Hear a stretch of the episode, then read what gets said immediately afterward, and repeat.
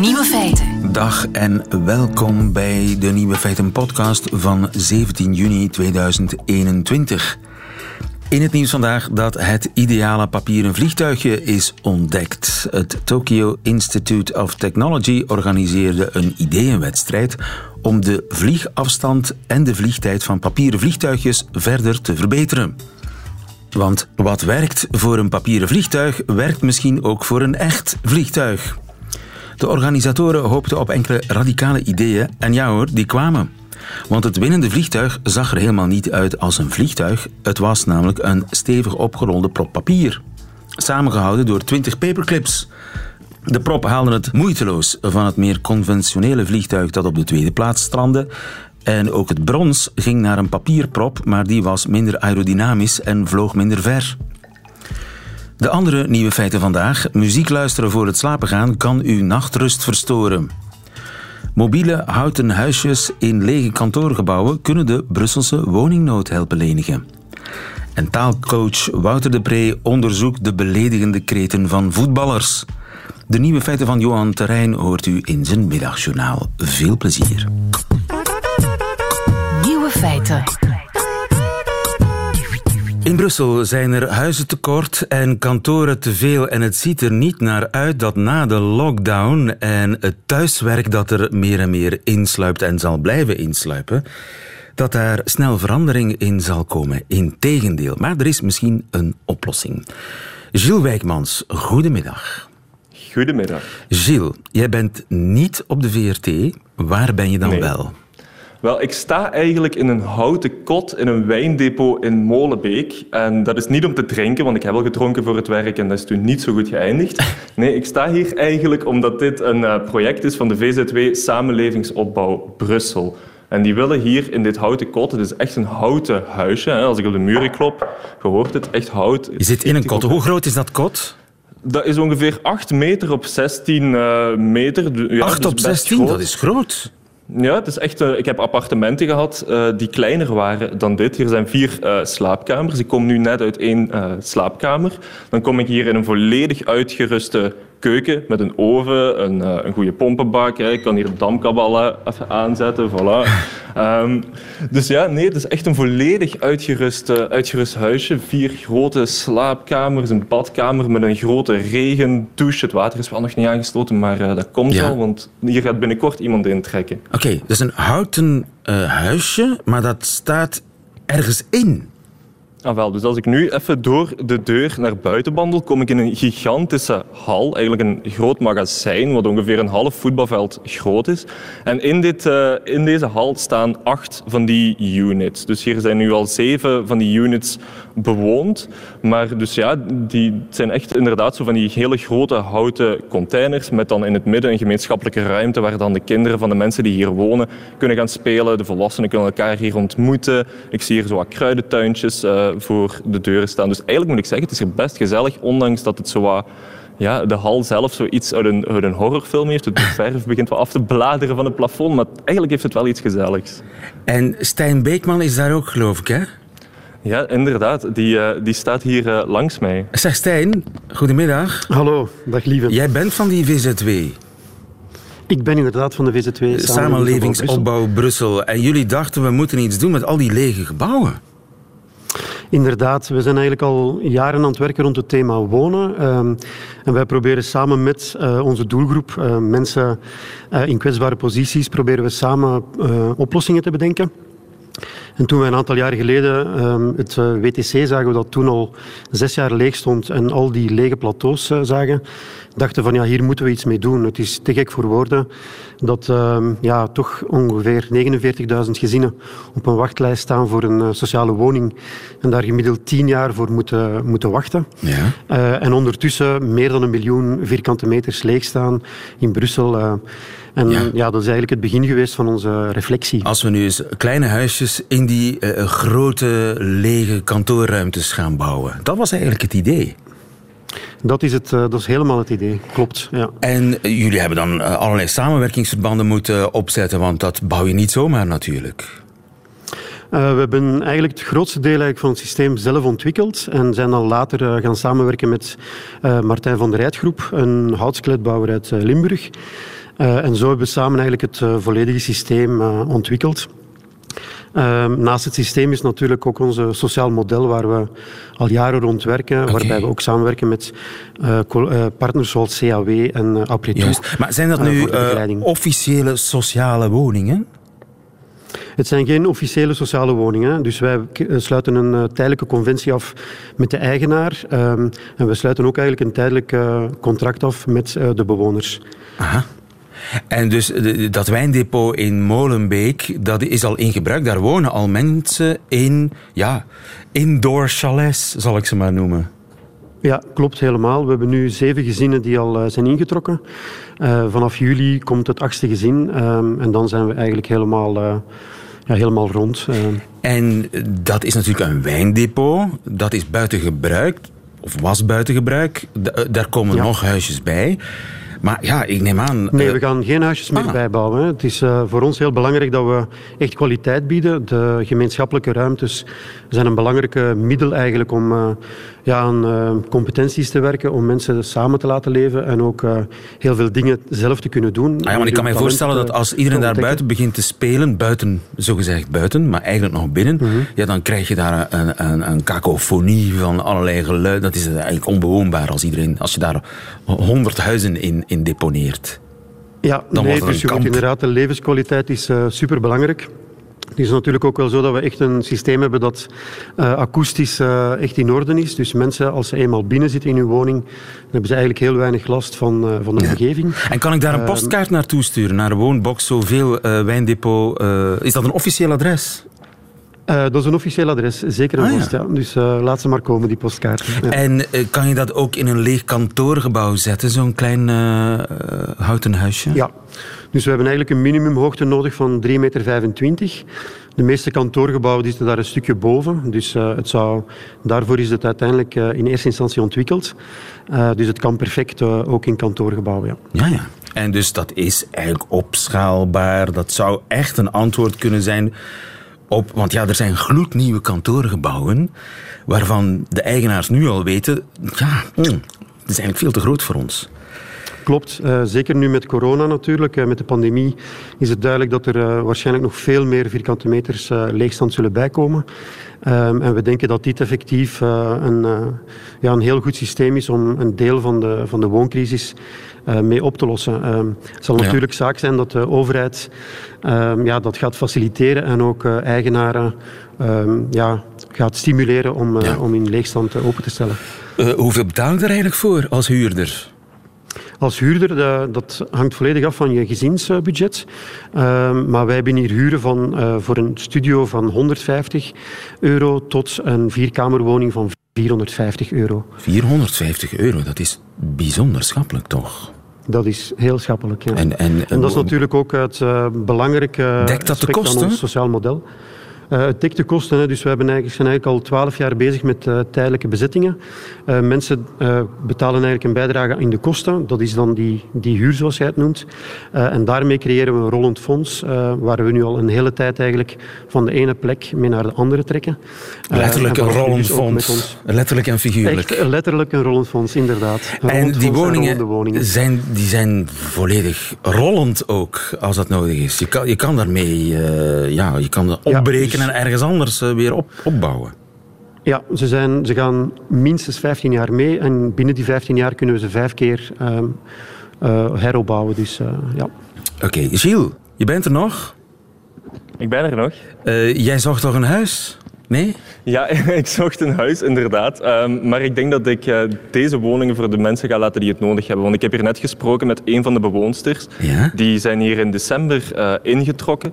Maar tot die tijd, zij wachten nu al vier jaar op een sociale... Tot die tijd zaten die met, met vier kinderen, dus met zes mensen, op een appartement van 60 vierkante meter. En Ai. ze betalen er 600 euro uh, per maand voor. Het appartement had ook vochtigheidsproblemen, omdat ze daar met zoveel mensen inwoonden. Dus ik denk dat dit niet mijn woning gaat worden. Niet omdat ik het niet zou willen, maar omdat ik het andere mensen gewoon meer gun. Ik probeer het mij voor te stellen. Is het niet een beetje donker? Nee, want hier zijn langs alle kanten zijn er ramen eigenlijk. Dus, dus die hal staat helemaal op, uh, ja, aan de bovenkant van het gebouw, aan de top van het gebouw. Dus het is eigenlijk, ja, je hebt hier een drie 360 graden zicht van de buurt eigenlijk. Dus er valt langs alle kanten ook licht binnen. Dus je zou er kunnen wonen? Ik zou er kunnen wonen, want in de woningen zelf staan dan ook uh, ramen. Uh, volledig dubbel glas en met airconditioning. Dus ja, het is volledig geëquipeerd. Ik zou er perfect kunnen wonen. Een huis in een huis, een houten huis in een voormalig kantoorgebouw, dat is misschien de toekomst in Brussel. Dankjewel Stijn en dankjewel Gilles. Goedemiddag.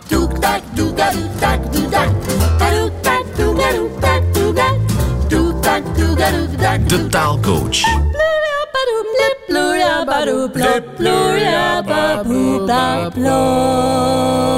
Wouter de Pre. De taalcoach waarmee wij op donderdag ons voordeel doen. Want Wouter de Pre die speurt naar tendensen in de taal en reikt meteen ook oplossingen aan. Goedemiddag, Wouter. Goedemiddag, lieve. Wat is jou deze week opgevallen? Ja, voetbal. Ik kijk naar het EK. Ah, natuurlijk. Ik ben geen, ben geen grote voetbalfan, maar ik kijk maar intervallen van twee jaar. Ik kijk naar de EK's en de WK's. En ik vergelijk met de periode waarop voetbal het meeste indruk op mij heeft gemaakt. Dat is toen ik eh, negen of tien jaar was, eh, toen de Rode Duivels het ook heel goed deden. En dan zie je hoe hard het voetbal veranderd is en de oh voetballers. Oh Wat fysiek zijn die spelers nu zoveel beter ontwikkeld dan 30 jaar geleden. Ze doen uh, uh, compleet, veel, veel completere fysieke trainingen. Die bovenlichamen zijn veel gespierder, hun core is veel beter ontwikkeld. Ze slapen in zuurstoftenten volgens de stand van de maan. Ze hebben speciale tandartsen omdat de vorm van de beet van uw gebit een invloed heeft op de stand van uw bekken en met hoeveel krachtige kunt shotten. Ja, maar dat, dat is nog alleen maar fysiek, geworden. Maar is er tactisch ook iets veranderd? Uh, tactisch zijn die ook. Die zijn honderd keer meer onderlegd dan vroeger. Vroeger was dat pottekenstamp en nu kunnen die uh, voetballers looplijnen volgen en uitleggen. Ze kennen alle statistieken over een tegenstander uit het hoofd. Ze geven interviews in zeven talen en elk woord dat ze gebruiken heeft minstens vier lettergrepen. Het zijn fashion icons, ze zijn gekleed volgens de laatste mode of zelfs al de volgende mode. Eh, ze rijden met fantastische sportwagens die ook ecologisch verantwoord zijn, die draaien op met zonnepanelen, op gewekte elektriciteit en op waterstof. Ja, alleen maar goed nieuws dus. Nee. Oei. Nee. Er is één domein waarop die voetballers sukkels zijn gebleven. Ja? Hun beledigingen, lieven. Beledigingen? Ja, we hebben het deze week weer gezien. De Oostenrijkse spits Marko Arnautovic. Die heeft uh, de moeder van de Noord-Macedoniër Alioski beledigd. En het werd niet veel uh, preciezer dan dat. Maar ja, we kunnen raden wat het was. De oudste aller beledigingen waarschijnlijk. Beckham heeft er vroeger ook uh, heel vaak gebruik van gemaakt. Dan zei zijn mager Spaans, hijo de puta. Uh, Zinedine Zidane ging zoveel jaar geleden ook al door het lint na beledigingen over zijn moeder en over zijn zus. En dat ging dan over hun seksuele promiscuïteit. Het is altijd hetzelfde liedje, hè, lieven. Ja. Je had gisteren een nabespreking uh, met Karel van Nieuwkerken. Dat was met Steven de Voer, Wesley Song, Gunter Schepens, allemaal ex-voetballers. En ja, die zeiden ook dat het meest gebruikte verwijt was... Uw moeder is een hoer. Wat een verbale armoede toch. Ja. Is dat toch mogelijk, lief? En elke premium is ondertussen links- en rechtsvoetig. Die kan scoren met een omhaal tijdens een dubbele flikvlak met viervoudige schroef. Maar een deftige belediging bedenken die een beetje origineel is, dat is te veel gevraagd. Nee, altijd weer, uw moeder is een hoer. Ja, dus dat arsenaal dat moet breder, groter, gevarieerder. Dat vind ik wel. Ja, ik ben voorstander van een nieuw soort speler in het voetbal. We hebben de keeper, de aanvaller, de middenvelder en de verdediger. En ik stel voor dat we uh, vanaf nu ook de belediger zouden krijgen. De belediger? Ja, dat zijn gasten die daarom niet moeten kunnen shotten, maar die de tegenstander verbaal op stang kunnen jagen en een rode kaart kunnen aannaaien. En ze moeten gewoon rap kunnen weglopen als een belediging geslaagd is. En die kunnen uh, gecoacht worden door een taaltrainer. Uh, de beledigingen moeten ook worden kunnen overgebracht in de taal van de tegenstander, zodat ze ook in die taal een beledigende kracht houden. Maar ja, meer uh, variatie eigenlijk. Hè? Dat is de eerste, de eerste pijnpunt, het eerste ja, aandachtspunt. Ja, dat denk ik wel. Ja. Ik, ik heb al twee dingen bedacht die de taaltrainer dan zou kunnen aanbrengen. Bijvoorbeeld de schijnbelediging. De schijnbelediging. Ja, dus analogie met de schijnbeweging. Ja, ja, je zet je tegenstander eigenlijk verbaal op het foute been en je hoopt dat hij daarop reageert. Hè. Eh, dus je start met... Je moeder is een hoera, het is uw verjaardag. Proficiat. Want daarmee heb je... Goeie tip. Je moeder is hoera, het is uw verjaardag. Ja, Proficiat. puur op schriftbeeld heb je niets fout gezegd. Ja, ze kunnen nu niks maken juridisch gezien, maar je hebt de tegenstrever eh, wel kwaad gekregen misschien. Oké, dat is dus de schijnbelediging. Eh, Ja. Iets anders nog? Ja, de tweede, het is een begin maar, hè, maar de tweede is de, de vernietigende counter. Dus uw, uw tegenstrever ja, doet zijn vast een riedeltje wa- waarop hij zegt dat uw moeder een hoer is. En dat pak je over en vervolgens maak je hem verbaal helemaal kapot. Geef daar eens een voorbeeld van. Ah, wel, dus als jij eh, nu eens tegen mij zou zeggen, uw moeder is een hoer... Uw moeder is een hoer. En, dan, De pre. en dan, dan ga ik daarop in één keer door. Ik neem de kracht van jouw belediging over en ik richt het tegen jou. Oké, zeg het echt met overtuiging. Uw ja. moeder is een hoer, de pre.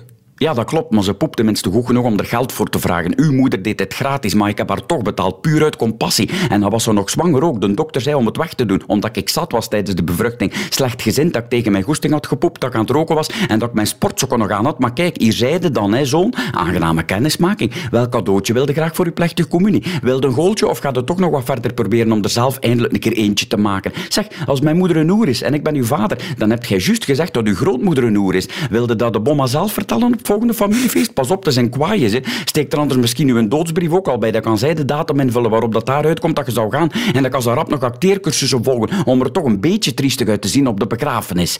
Voilà, dit is een, een voorbeeldje. Oké, dat kan de wedstrijd wel lang laten duren, denk ik, zo'n counter. Ja, maar eh, ik denk dat we ook op fysieke eigenschappen rechtstreeks zelf zouden eh, eh, kunnen aanvallen. De fysieke belediging. Ja, op geur bijvoorbeeld. En dan zou je kunnen zeggen, zeg, waar ruik ik hier? Is dat veel beluik dan een open deur dat geeft? Of komt dat uit uw mond? Belt de loodgieter misschien een keer, want de geur die uit uw muil komt, zouden verwachten vanuit uw gat. Ik denk dat er daar ergens een terugslagklep kapot is. Je hebt een zodanige lijfgeur dat een kannibaal u zou wegsmijten omdat hij denkt dat je over tijd bent. Jij kunt beter niet op trottoir gaan staan als de vuilkar passeert. Ze zouden u mee hebben. Alright, eh, ik zorg ervoor dat je in contact komt met eh, de Rode Duivels. En eh, ik denk dat dat hun prestaties op het veld misschien wel zou kunnen vergroten. Wie weet, een eh, belediger en een belediger trainer, een taalcoach als het ware, hebben ze misschien nodig bij de Rode Duivels. Wouter de Pre, Lieve, dank voor de Ik tip. ben blij dat je overtuigd bent. Een fijne dag. Dag. Tot volgende week.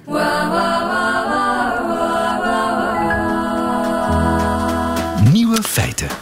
Ik zou toch maar voorzichtig zijn met muziek in bed, want er is muziek waarvan u niet slapen kunt, blijkt uit onderzoek. Inge de Klerk, goedemiddag. Goedemiddag, dag lieven, hallo. Je bent slaapexpert van het UZ Antwerpen en auteur van het boek De Kracht van Slapen. Het zijn collega's van u in Texas, als ik me niet vergis, in Amerika in elk geval, die mensen hebben laten luisteren naar muziek vlak voor het slapen gaan, om te kijken hoe die muziek de slaap beïnvloedt. Naar welke Ja. muziek hebben die mensen, die proefkonijnen, moeten luisteren? De twee soorten muziek. hè. Als ik eh, enerzijds eh, populaire deuntjes met de tekst en dezelfde eh, muziek, maar dan zonder de tekst. Onder andere hier hebben ze naar moeten luisteren. En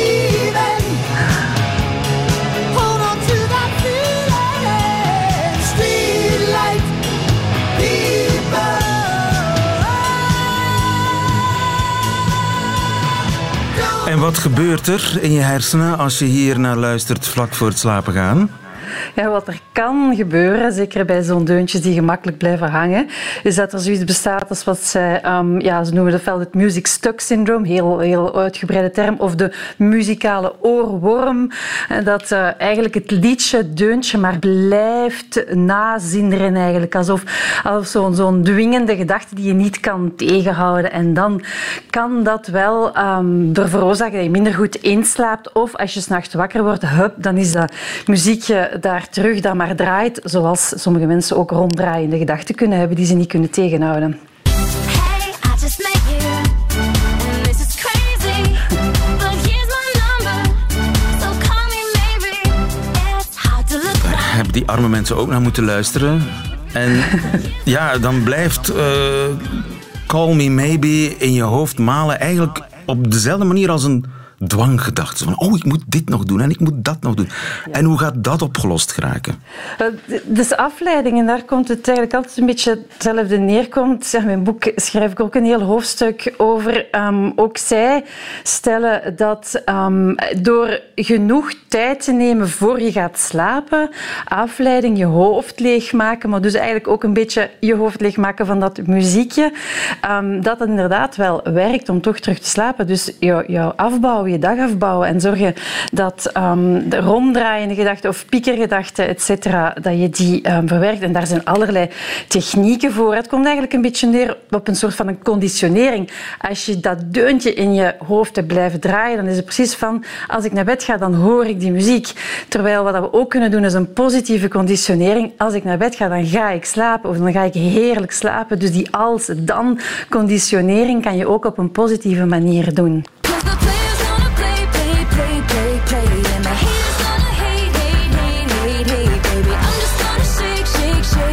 sweet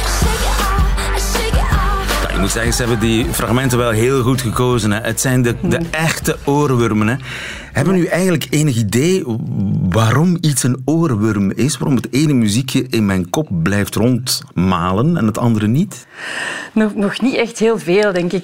Vooral naar slaap toe is nog niet zo heel uitvoerig eh, onderzocht. Ehm, mogelijk is het zo dat mensen die sowieso al gemakkelijker slecht gaan slapen, als die gaan slapen, dan is er een soort van een, een, een deconnectie tussen netwerken die niet helemaal gebeurt. Namelijk het, het standaardmodusnetwerk, het offline-netwerk, waar je eigenlijk in jezelf gaat gekeerd zijn. Dan moet je eigenlijk deconnecteren van al je rationeel denkvermogen s'nachts.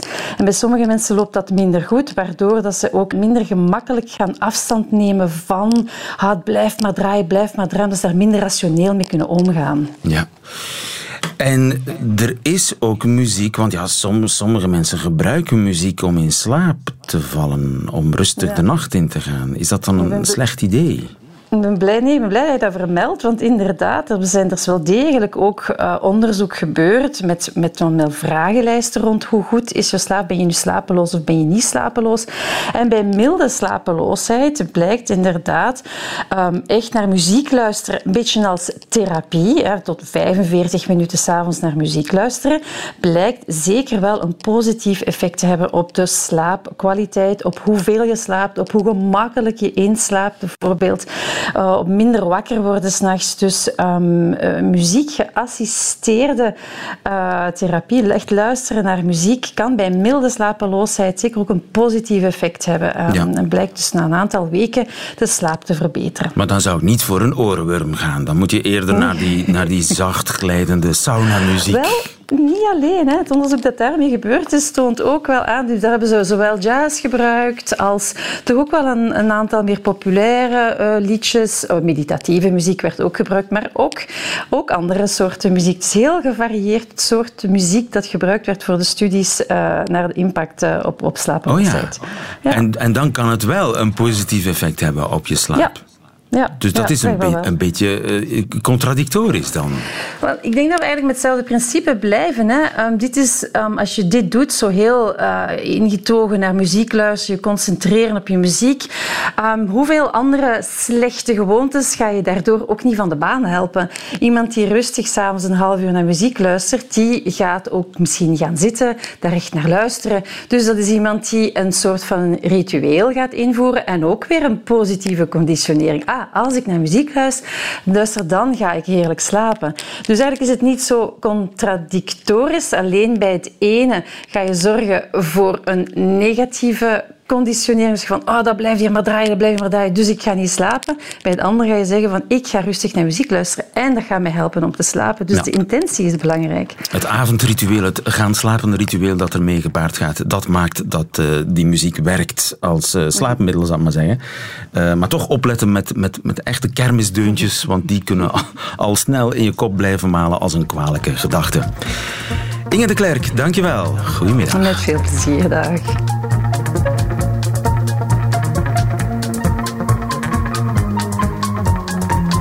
En ik heb nog een paar eh, nieuwe feiten voor u. Een Japanner van 60 intussen is uh, wellicht als eerste mens ter wereld veroordeeld als seriespuwer. De man had uh, al jarenlang ruzie met de eigenaar van een winkelcentrum in Osaka. De discussie ging over een klantenkaart die volgens de man zijn verzamelde punten niet goed had bijgehouden. En om zijn ongenoegen te uiten ging de man meerdere keren per maand naar het winkelcentrum met maar één doel: spuwen in de centrale toegang.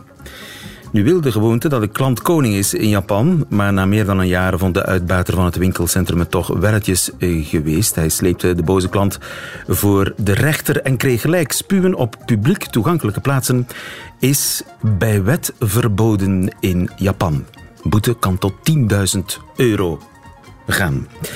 En een meer in Wales heeft een slechte recensie gekregen op TripAdvisor.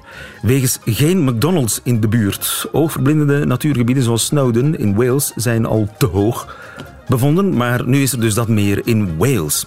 Prachtig meer van meer dan een kilometer breed aan de voet van de bergen. Kreeg augustus vorig jaar maar één ster van een bezoeker uit Newcastle, die zwaar was ontgoocheld omdat zijn kajak was gekapseist, want hij was te zeer afgeleid door de schoonheid van het meer. En hij had nog vier andere klachten. Eén, het water was te koud. Twee, hij had geen gsm-signaal. Drie, er waren te veel rotsen. En vier, er was geen fastfoodketen in de buurt. Ik wil naar dat meer.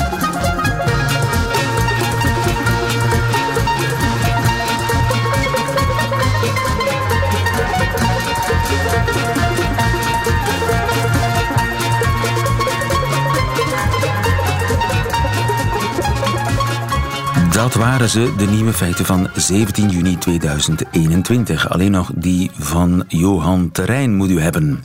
In zijn middagjournaal krijgt u ze. Nieuwe feiten. Middagjournaal. Beste luisteraar, nu de voetbalgekte weer even in het land is, of beter in het continent, drijf ik weer even mee op de Rode Duivelsflow die hopelijk zal eindigen op de grote markt in Brussel en de open vraag hoe we de coronamaatregelen daar in hemelsnaam nog kunnen handhaven. Maar dat is ver vooruitkijken. Ondertussen is er weer een voetbalsupporter in mij wakker, die maar om de twee jaar ontwaakt. Tussendoor interesseert voetbal mij namelijk geen fluit. Ik herinner mij nog exact het moment dat ik besloot te stoppen met het Belgisch voetbal te volgen. Ik zat in de lagere school toen ik vaststelde dat al mijn klasgenootjes een favoriete voetbalploeg hadden en ik besloot dat het voor mezelf dringend tijd was om ook een geliefde club uit te kiezen. Mijn oudere broer supporterde al voor Berchem Sport, het dichtst bij huis gelegen stadion. Ikzelf wierp een blik op het klassement en koos voor de ploeg die op dat moment aan de leiding stond. Dat leek mij de beste keuze, degene die mij de minste ontgoochelingen ging opleveren. Het werd Club Brugge. Een tijd lang las ik de sportpagina's in de krant om mijn clubgevoel aan te dikken met weetjes over al die blauw-zwarte shotters. Dat ze Jan Keulemans de Cage noemde en dat Leo van der Elst de plezantste was, herinner ik me nog. Supporter voor een ploeg die in een andere stad gelegen was, was niet evident. Je bleef het allemaal een beetje op afstand beleven als kind.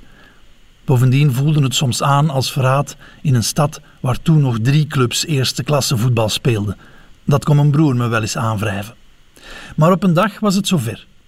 Ik had zoveel tijdens sportweekend in mijn vaders oor staan juichen dat hij me meenam naar Den Antwerp toen Club Brugge op bezoek kwam. Het was putteke winter in de bosuil en mijn vingers vroren eraf.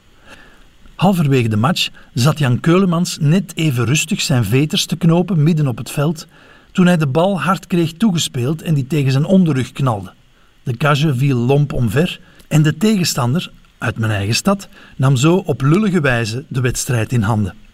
Ik stond in het supportersvak van Antwerp en kon op gevaar van eigen leven niet eens luidop mijn ontgoocheling uitroepen. Meer nog, de Cage, mijn held uit de krant, werd er uitgelachen. Club Brugge verloor en precies dat is het moment dat ik gestopt ben met het voetbal te volgen. Een groot clubsupporter ging er niet aan mij verloren. Maar het EK of het WK, dat kijk ik dus wel. Geen haar op mijn hoofd dat dan nog zou verzinnen om voor Oranje of Les Bleus te juichen. Laat die maar hun veters knopen tijdens de match. Anders dan toen kies ik nu wel gewoon voor de dichtstbijzijnde ploeg. Een ploeg die nu, net zoals toen, ook de ranglijst aanvoert. Uiteindelijk krijgen we op dit kleine lapje grond ook maar een maand om de twee jaar de kans om ons als hardwerkende Vlaming complexloos Belg te mogen voelen, zonder daar verder over te moeten nadenken. Daar hoort een vlag bij en een volkslied waar niemand de tekst van kent. Heerlijk.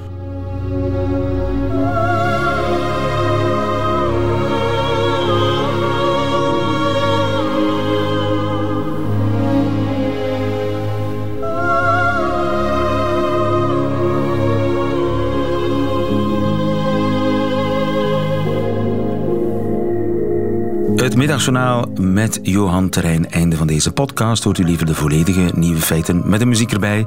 Dat kan natuurlijk via radio1.be of via de Radio 1 app. Tot een volgende keer.